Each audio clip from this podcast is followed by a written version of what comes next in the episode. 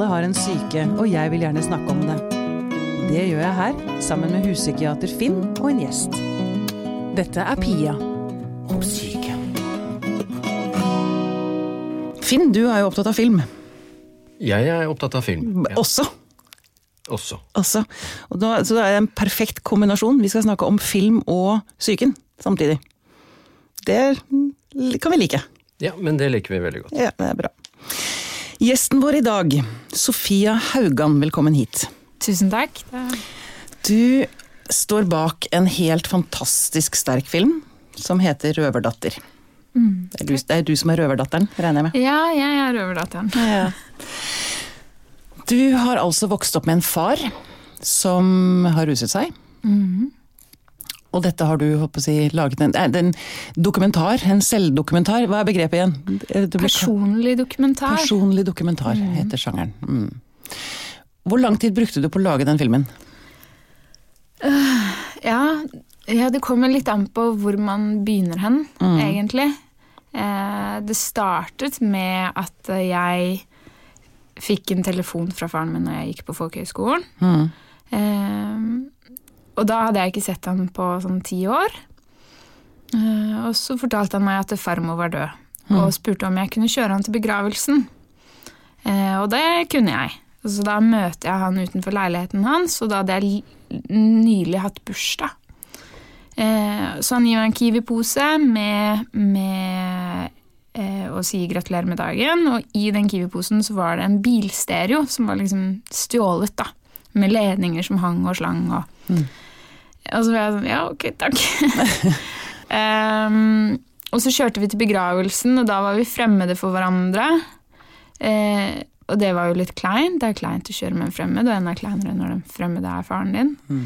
Men det var et eller annet der, da. og Jeg ble veldig nysgjerrig på hvordan vi kom hit, hvordan han kom dit. Fordi jeg har jo noen minner fra han fra barndommen hvor han var en ressurssterk snekker mm. og, og, en veldig leken far. Mm.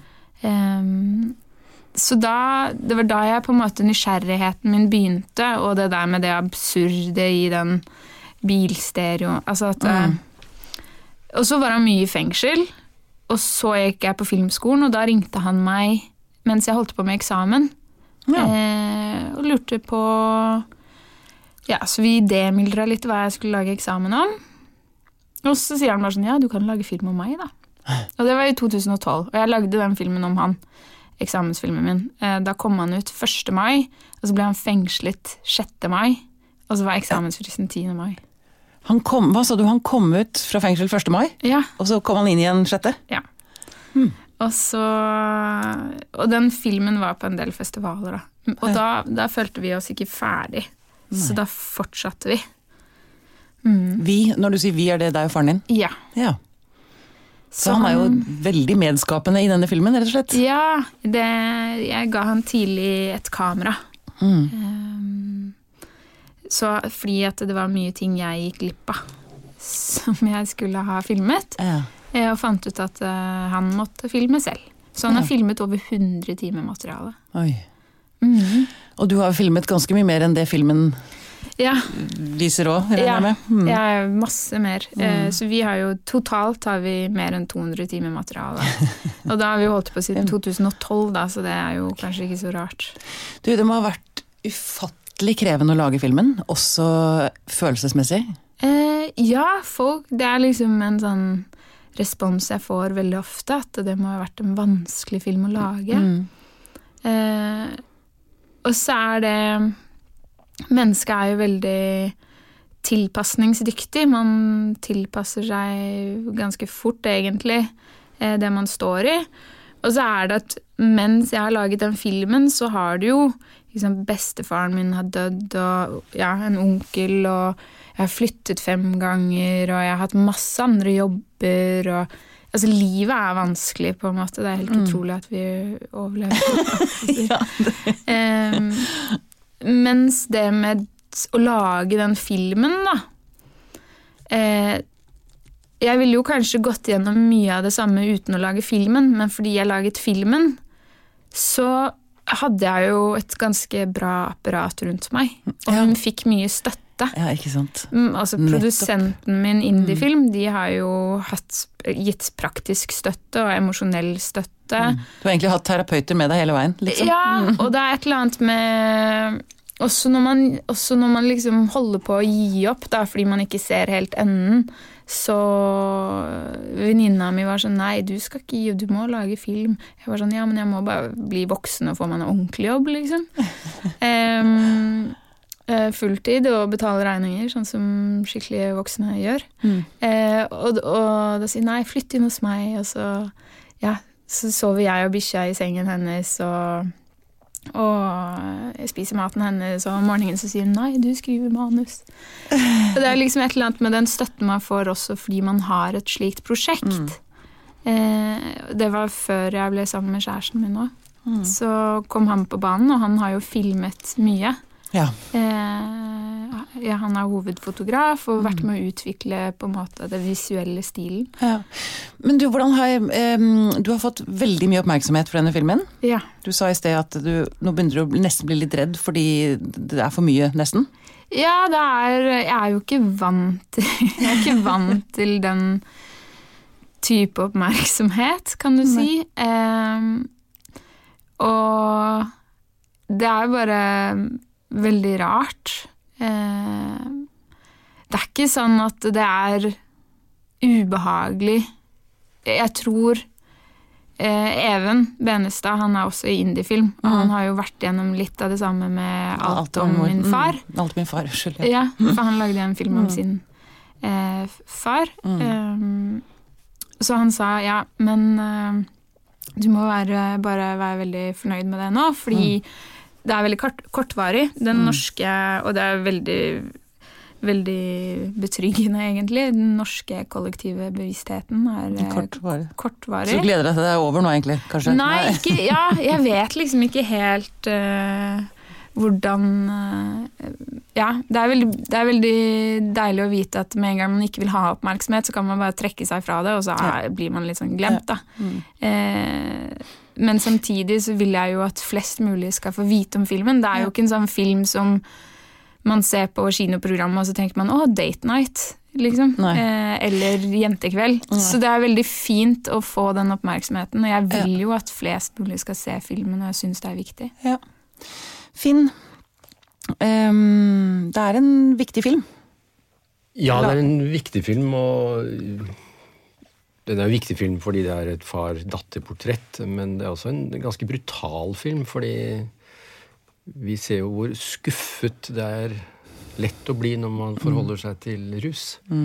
Altså man håper, og så går det ikke bra, og så håper man, så går det ikke bra. Og det er et begrep som dukker opp i arbeidsliv av og til, som heter utbrent. Ja. Det viser seg at det begrepet mest sannsynlig har en historisk rot av en del frivillige folk som på 1970-tallet jobbet frivillige med rusmisbrukere i New York. Oh, Og de la sjel og hjerte inn i dette og ville hjelpe dem, men så sprakk de, og så sprakk de, og så sprakk de. Og da var det sånn at noen sa at man blir utbrent av å jobbe med de som er utbrent av rus. Eh, og det er for seg litt akkurat. noe av det jeg satt og tenkte på i går, at liksom Du verden hvilken kraft denne rusen har over mennesker. Ja, det er eh, Jeg tenkte på det. Julie Winge har vi også hatt i studio. Hun skrev boken 'Fyllik', eh, og var selv, eller er alkoholiker, men er tørrlagt nå snart fem år. Men hennes budskap til pårørende er jo 'kom deg vekk'. Gi opp håpet, for hvis ikke du gjør det, så havner du selv i psykiatrien. Hva tenker du om det, Sofie? Ja, det er jo en av de tingene jeg, vi som er barn av og pårørende, får høre hele tiden. Du må passe på deg selv. Um, og det er jo fint og greit, det. Uh, men det er jo ikke så enkelt. Um, jeg tenker at hvis noen andre hadde hatt det ansvaret, da, hvis noen andre hadde gjort den jobben Jeg opplever også at folk er litt sånn utbrent. Og man møter folk man møter folk som skal hjelpe. Jeg har møtt folk som egentlig har som jobb å hjelpe faren min. Men så har ikke de troa. På en måte. De har mista troa på veien, og da er det veldig vanskelig for, deg, for dem da, å gjøre jobben sin skikkelig. Og så blir det min oppgave å pushe dem til å egentlig gjøre jobben sin litt. Eh, I rehabilitering eller i Ja, og det kan være ganske enkle ting som egentlig ikke koster så mye, men de har ikke troa. Um, så det er jo den For meg så er jo det vært det mest frustrerende, egentlig. Ja. Og den, og den derre eh, Vi må bare tenke på oss selv. Jeg føler at samfunnet klarer liksom ikke helt å bestemme seg. Eh, vi skal alle bare tenke på oss selv, men vi skal alle passe på hverandre. Hva, hva slags samfunn vil man egentlig ha? Mm. Fordi man har jo Det har jo hatt en beviselig effekt, på en måte.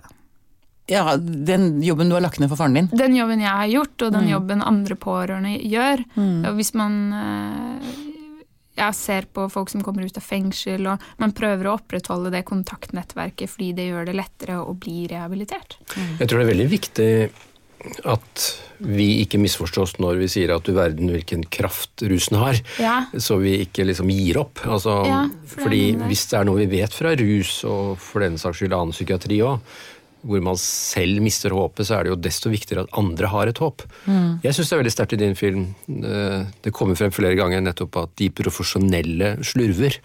eh, Og at du må stramme dem opp. Eh, Og det tror jeg man må ta inn over seg. Altså at man må liksom ikke begynne å flyte fordi det flyter for andre. Men jeg er samtidig veldig enig, og jeg, det er veldig viktig for meg å understreke at det er jo ikke barn eller pårørende sitt ansvar. Nei. Men det Det er blir ikke, du må veldig ikke, man kan ikke bære sin Nei. far eller sin mor, Nei. eller noen egentlig. Det er ikke, og jeg kunne ikke gjort så mye av den jobben jeg gjør i filmen. Den kunne jeg ikke tillatt meg selv å gjort hvis, jeg, hvis det var en annen jobb som var hovedjobben min. Som var? For da hadde det gått utover en annen jobb. Og jeg tenker også, sant, andre pårørende som kan sitte og høre på denne podkasten. Ja. Som kanskje ikke, Du sa jo nettopp at du hadde et apparat rundt deg ikke sant? Ikke sant. som støttet, og, og, pluss at du også jobbet mot et mål, på en eller annen måte, eh, ved siden av å få faren din av rusen. Du skulle lage filmen. Men jeg tenker på disse andre som er alene i det, da. Finn, nå ser jeg på dere begge, egentlig. Altså, um, hvis man holder på å gå under, så må man jo på en eller annen måte kutte båndet. Eller? Ja, samtidig så er jo det Det stritter jo på en måte mot våre instinkter eh, som familie osv. Det er jo et begrep som er interessant, men selvfølgelig også problematisk. Og det er et begrep som dukket opp for en par tiår siden når det gjelder rus særlig. Og det er dette begrepet medavhengig. Medavhengighet, ja. Og jeg tror man bruker det liksom på litt eh, slemme måter av og til. Eh, som at du er en som liksom legger til rette for at den kan fortsette rus, mm. rusmisbruk. Men hva pokker skal man gjøre, da? Ja, sant. Hvis du har en sønn eller en datter som er i ferd med å forgå av heroin, og så ber de om 300 kroner, og så vet du at det går vel ikke til eh, nye sko, men det går Eller til gulrøtter. Mhm. Ja. Men du er pressa. Altså man, man må ikke begynne å bruke sånne begreper som har en slags moraliserende karakter. Mm. Det er mer å forstå at man gjør hva som helst for å unngå at folk dør fra en. Ja, ikke sant. Mm. Hvordan går det med faren din i dag? Eh, jo, eh, han, har, be, han eh, har bestemt seg for å bli i Rogaland, da jeg dropper dem av i filmen. Det området. Så de har fått seg en leilighet. Ehm, og prøver å holde seg unna trøbbel, da. Men så er det jo Og det, det har jeg snakket med noen om. Det er en, man, man skal ha, jeg vil ha så mye troen på han som han har på meg, og det er jo kjempemasse. Så man må ha troen på at de, de får til det alene. Eh, Men samtidig så må man beskytte seg selv ved å være realistisk. Så det er en sånn type Ja, det er veldig vanskelig å, å holde um, Ja, kombinere de to av og til. Men Ja, for, jeg- kan jeg spørre deg, Hvordan beskytter du deg? ja, med å være realistisk og liksom ja, At du men, aktivt tenker liksom Ja, for det som er greia her, er at de prøver å holde seg unna trøbbel, men den plassen rusen har, hadde, den plassen rusen hadde, den er jo ikke blitt fylt med noe nå etter rehabilitering. De har jo ikke fått? De sitter jo bare der og prøver å holde seg unna trøbbel, og har ikke jobb og ikke, eh, har ikke aktiviteter å gå til. Men de er rusfrie? Men de er rehabilitert, de er rusfrie. Trude er på LAR, mm. og, og faren min har fått ADHD-medisiner. Ja. Um, sånn at uh, Ja, hva tenker du, hva, hva, hva- Igjen et spørsmål til dere begge. Eh, selvfølgelig, altså det, det sier husker jeg Julie også sa, eh, at det er jo som en kjærlighetssorg når du slutter å ruse deg. For du, har, du mister jo bestevennen din på en eller annen måte. Hva, hvordan kan man fylle det rommet igjen med noe annet? Altså, da, ja. Nei, Nå skal jeg være litt sånn doktor, og Ja. ikke hør meg nå pessimist. Men vi har også en hjerne. Eh, og Ja. den hjernen har f.eks. noe vi kaller belønningssenteret. Mm. Og det fyrer, og det kjennes veldig godt. Mm. Hvis vi f.eks. får et godt måltid, hvis vi får et godt smil, hvis vi kjenner. God sex, hvis vi har klem. Eh, noen kjemiske stoffer er spesielt effektivt til å få dette til å fyre. Altså Mm. Det fyrer sjelden så godt som eh, kokain og heroin f.eks. Ja. Så skjer det noen mekanismer. Først er det sånn at vi kaller det liking. Vi liker det. Etter hvert, hvis man bruker det om igjen og om igjen, så blir det litt mindre liking, men litt mer wanting. Altså du trenger det. Du begynner å kjenne at dette er noe jeg trenger. Men så har det ikke samme effekt etter hvert. Og så begynner vi å snakke om craving. Jeg må ha det. Ja. Og så slutter man. Eh, Da viser det seg at kjærlighet og gode måltider og klemmer fyrer langs mange samme mekanismer, men de er ikke like vellykka som kokain. Altså Man klarer aldri å nå den. ja, det, må ikke si det sånn. Altså, jeg må ikke si det sånn. Men det skal forferdelig mye kjærlighet for å trumfe et rusmiddel. Eh, Så dette er noe av det som er å si, det smertefulle. Det menneskelig smertefulle ved rusmidler er at eh, det virker så inn i hampen godt. Og du, du skal kompensere med veldig mye godt for å oppsi å å velte mye av disse avhengighetssystemene. Så hjelper det selvfølgelig når årene går, i form av å være rusfri. Selvfølgelig. Ja. Man lærer seg til det, rett og slett. Man blir bedre Ja, på det. det, hjernen kommer seg litt. Altså, Ja. ja, ja. Ja. Ja, eh, jeg tenker at eh, det handler om å fylle et tomrom. Eh, og man kan se på veldig mange som har kommet seg ut av rusen, for å finne ut av hva som funker. Eh, og folk kommer seg ut av rusen ved, å, ved religion, blant annet. Det er én ting. Men det, og det er knyttet til et miljø. Eh, og det er knyttet til noen ting som gir mening for den personen. Um, og da blir de gjerne også litt sånn ekstreme i det. Um, og det, ok, for, for en liten sånn avsporing der sånn. Eh, de, det miljøet, det rusmiljøet i Oslo, jeg finner så mange bibler og kors. Det er, det er så merkelig. Det er akkurat som de håper på at de skal finne det, da. Eh, første gangen jeg var i leiligheten til pappa, så var det jo bare stakka fullt av bibler. Eh, og han kom jo på døra mi en gang med et stort kors. Som hengte i leiligheten hans siden, da, for jeg ville ikke ha det. Em, så det er jo én ting. Eh, og en annen ting er eh, ekstremsport. Det også fyrer jo av Ja, kick. adrenalin, Mm. kick. Eh, pappa var jo og hoppa i fallskjerm eh, en gang, og digga det. Mm. Så jeg spurte Nav da, om de kunne kanskje gi han Kanskje han kan få. Eh, Hopp fallskjermkurs. Mm. Fallskjermkurs. Og det er også knyttet til et miljø som ikke handler om rus. Mm. Og den der menneskelige kommunikasjonen mellom noen du har en interesse med, en felles interesse med, noe dere digger begge deler, det er så Det fyrer av eh, hos meg, i hvert fall. Mm. Og en annen ting er liksom Yoga også er på en måte litt sånn religiøst. Altså de blir veldig ekstreme i det med yoga, meditasjon, og det også har hjulpet folk ut av rusen. Og det også er knyttet til et miljø. Mm. Miljø er vel, høres ut som det er eh, det viktigste her, egentlig. Ja. Eh, mm. Ja, og så er det andre som har kommet seg ut fordi de har blitt, eh, de har blitt hjelpere. De er nå frivillige for å hjelpe andre ut av rusen. Ja.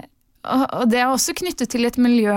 Mm. Så du jobber sammen mot et felles mål for å hjelpe andre.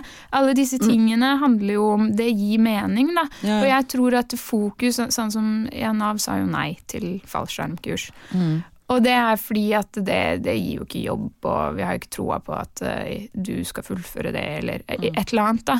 Eh, jeg tror at hvis man ser litt eh, mindre mm, firkanta på det, og bare hjelper dem finne ting de bare digger å gjøre og liker, og som er knyttet til et miljø, Mm. så kan det hjelpe veldig mange, da. Mm. Ja. Gir det mening, det Sofia sier, Finn? Ja, så gir mening på på mange forskjellige vis, i all beskjedenhet, så tidligere fallskjermhopper som jeg er. Er du det? Nei, se der kom å snakke om det, men det er klart eh, Jeg syns jo den type fenomener er interessante. Altså Vi har forskjellige behov for spenning, f.eks. Eh, din far presenterer seg som en som har en ADHD-tematikk, som ofte handler om et spenningsbehov, eller altså gjøre noe intens for å roe seg. Men dette religiøse er på en måte interessant, fordi at uten at vi liksom er enige eller uenige, jeg tror at vi kan forstå at noen i Amerika for lenge, lenge siden laget det som heter De tolv trinnene, som altså er AA. Mm. Fordi det ble opprinnelig laget som et slags religiøst prosjekt. Mm. Altså at uh, det er bare to krefter som er sterkere i verden. Og det ene er Gud, og den andre er alkoholen. Mm. Og du må innse at du må underkaste deg, fordi at alkoholen er alltid sterkere enn deg. Så det er en veldig sånn religiøs idé om at uh, du må gjøre deg liten, fordi at den er sterkere enn du noen gang vil bli. Så da er det totalavhold. Og så må du være masse sammen med andre som har totalavhold. Så må dere holde i hverandre hele tiden. Og når man har jobba en del med rus, jeg har jobbet ganske mye med rus, så skjønner du at folk tyr til de modeller, om man tror eller ikke tror, men altså, det er en voldsom kraft i rusen. Det er det. Mm. Mm.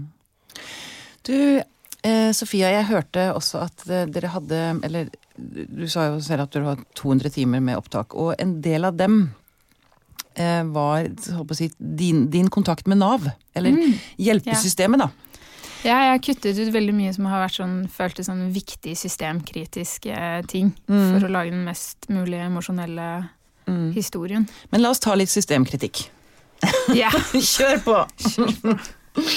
hva Ja, hva, hva ja, ja, ja, Det som er mest frustrerende, er jo å møte folk i hjelpeapparatet som ikke har troen.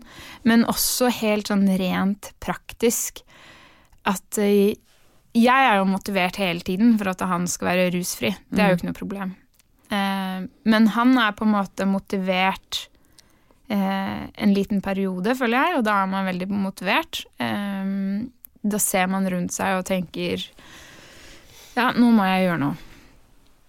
Og når vi da tar den telefonen og kommer inn på rehab, som han gjør, vi kommer med en gang på rehab, eh, så går det altså et helt år før, han... Før vi mm. faktisk kommer på rehab. Og det er helt sinnssykt vanskelig å finne ut av hvem er det som skal betale Helse Øst, Helse Sør, Helse Nord, Helse Ingen Alle de telefonene, så er det bare Nei, jeg vet ikke, men det er ikke oss.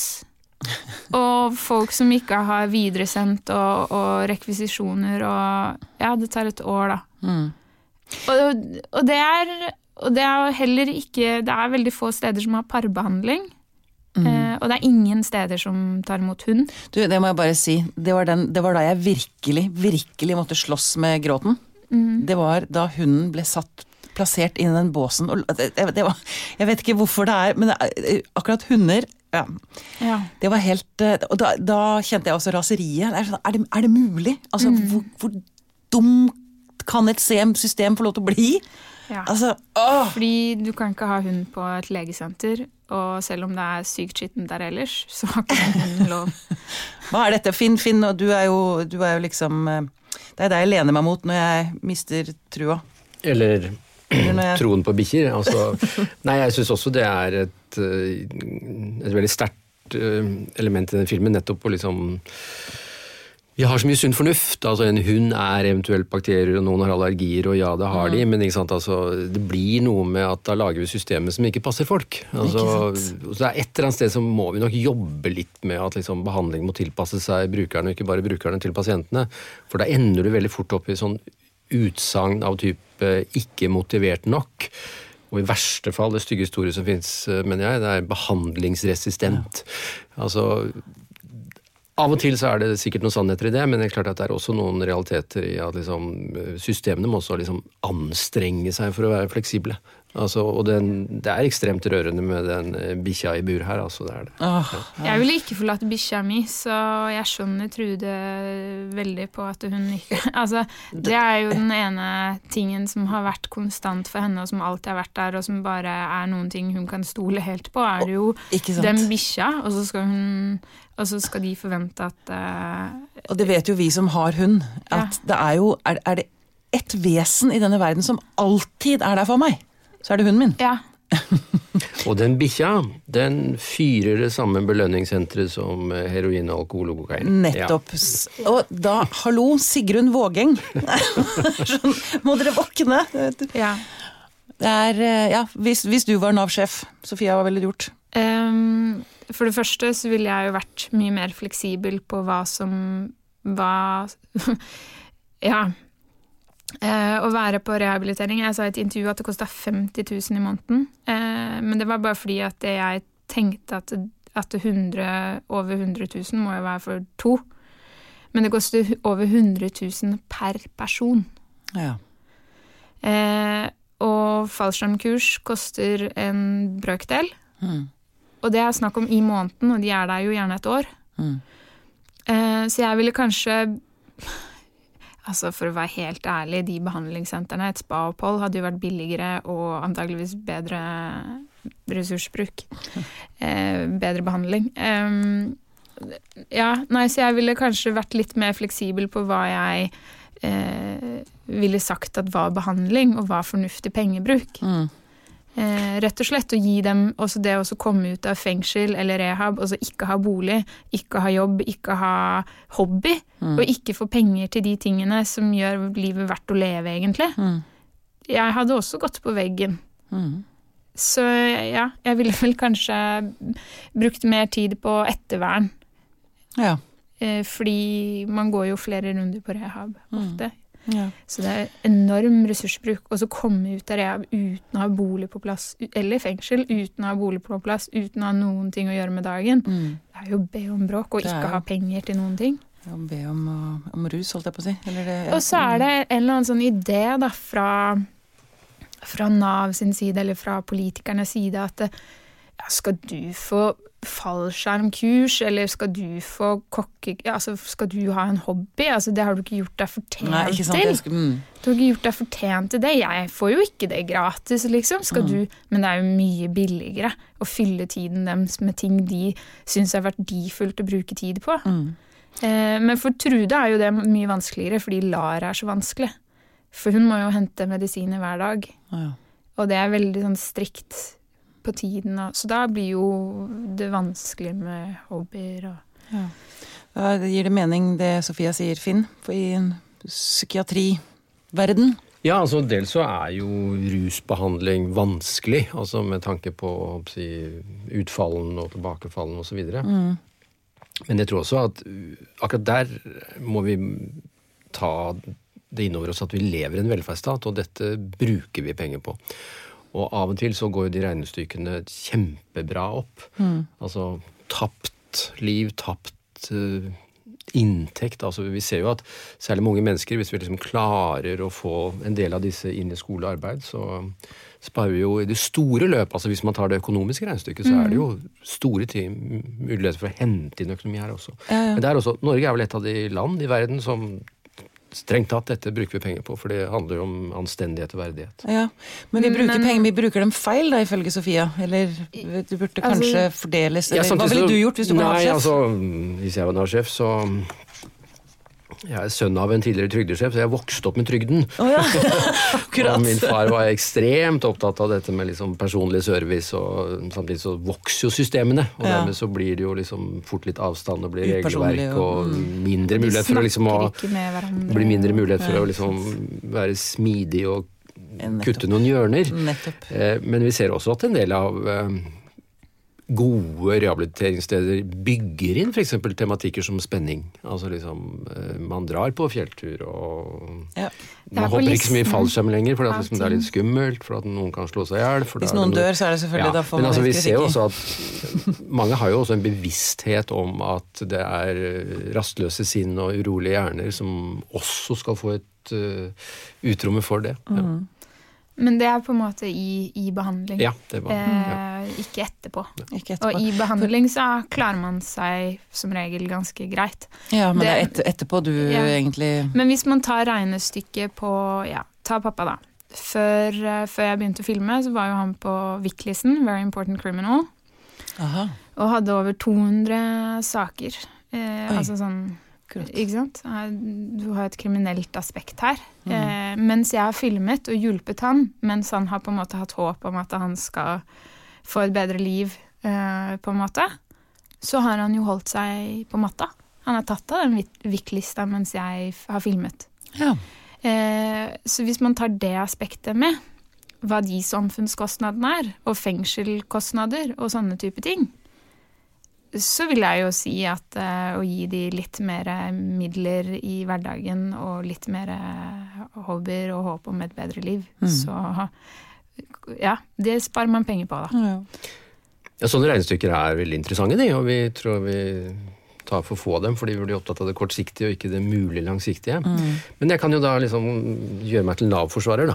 ja. Eh, Det tror jeg er viktig at noen forsvarer dem òg, Mhm. så ikke dere blir bare lei seg for å, alt det de hører, om det ikke er bra. Ja, det er mange Jeg- folk som er veldig ålreite. Ja, altså, mitt poeng er bare at jeg har jobba som doktor i mange mange år og spilt med disse systemene. og Mm. En gang het det Trygdekontoret, og en gang het det noe annet. Nå heter det Nav. Og det er litt min erfaring. eh, Det er litt sånn enten-eller. Enten er du på innsiden, Mm. og da får du ofte veldig mye fleksibel hjelp. Men hvis du står på utsiden og skal inn, da blir du ofte stående og banke og hamre og, og føle deg misforstått. Treffer nisjen, eller sånn? Ja, altså, Hvis du finner deg saksbehandleren som du får en relasjon til, og sånn, så er det mange som får masse god hjelp. Mm. Så det er liksom Akkurat den der enten-eller-tematikken syns jeg er en personlig erfaring, ja. Ja, for jeg tenker, altså jeg har et veldig godt forhold til Nav. Jeg gikk jo selv på arbeidsavklaringspenger i tre år.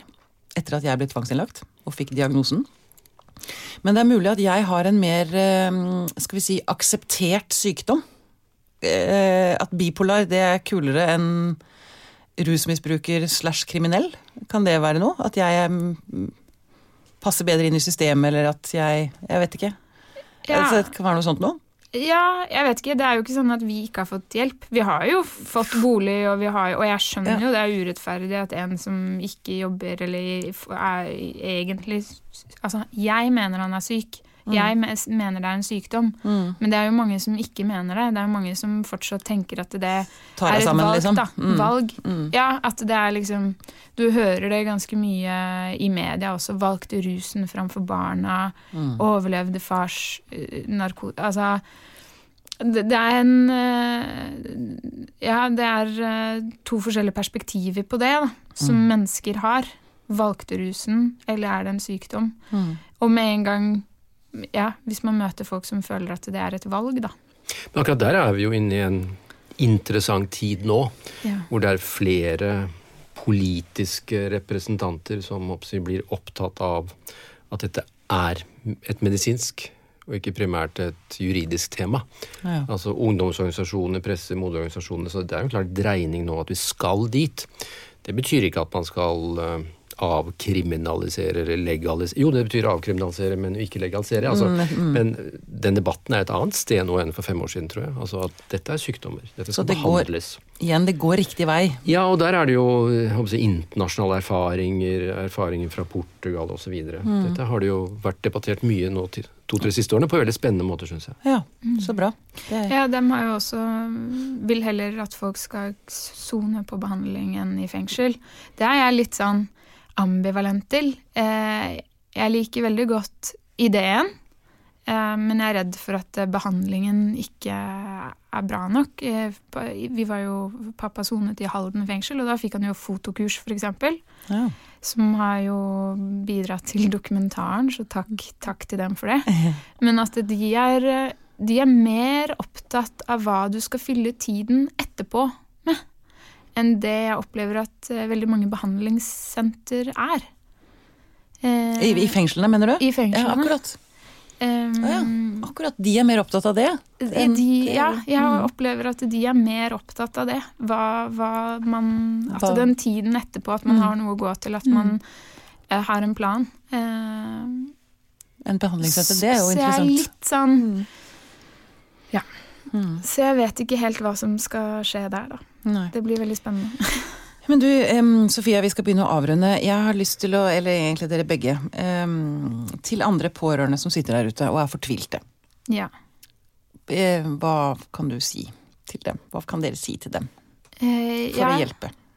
Skal jeg begynne? Ja, Ja. gjør det. um, ja, for det første så syns jeg det er uh, at hvis man har behov for å hjelpe, så er det gjerne et behov man har for seg selv.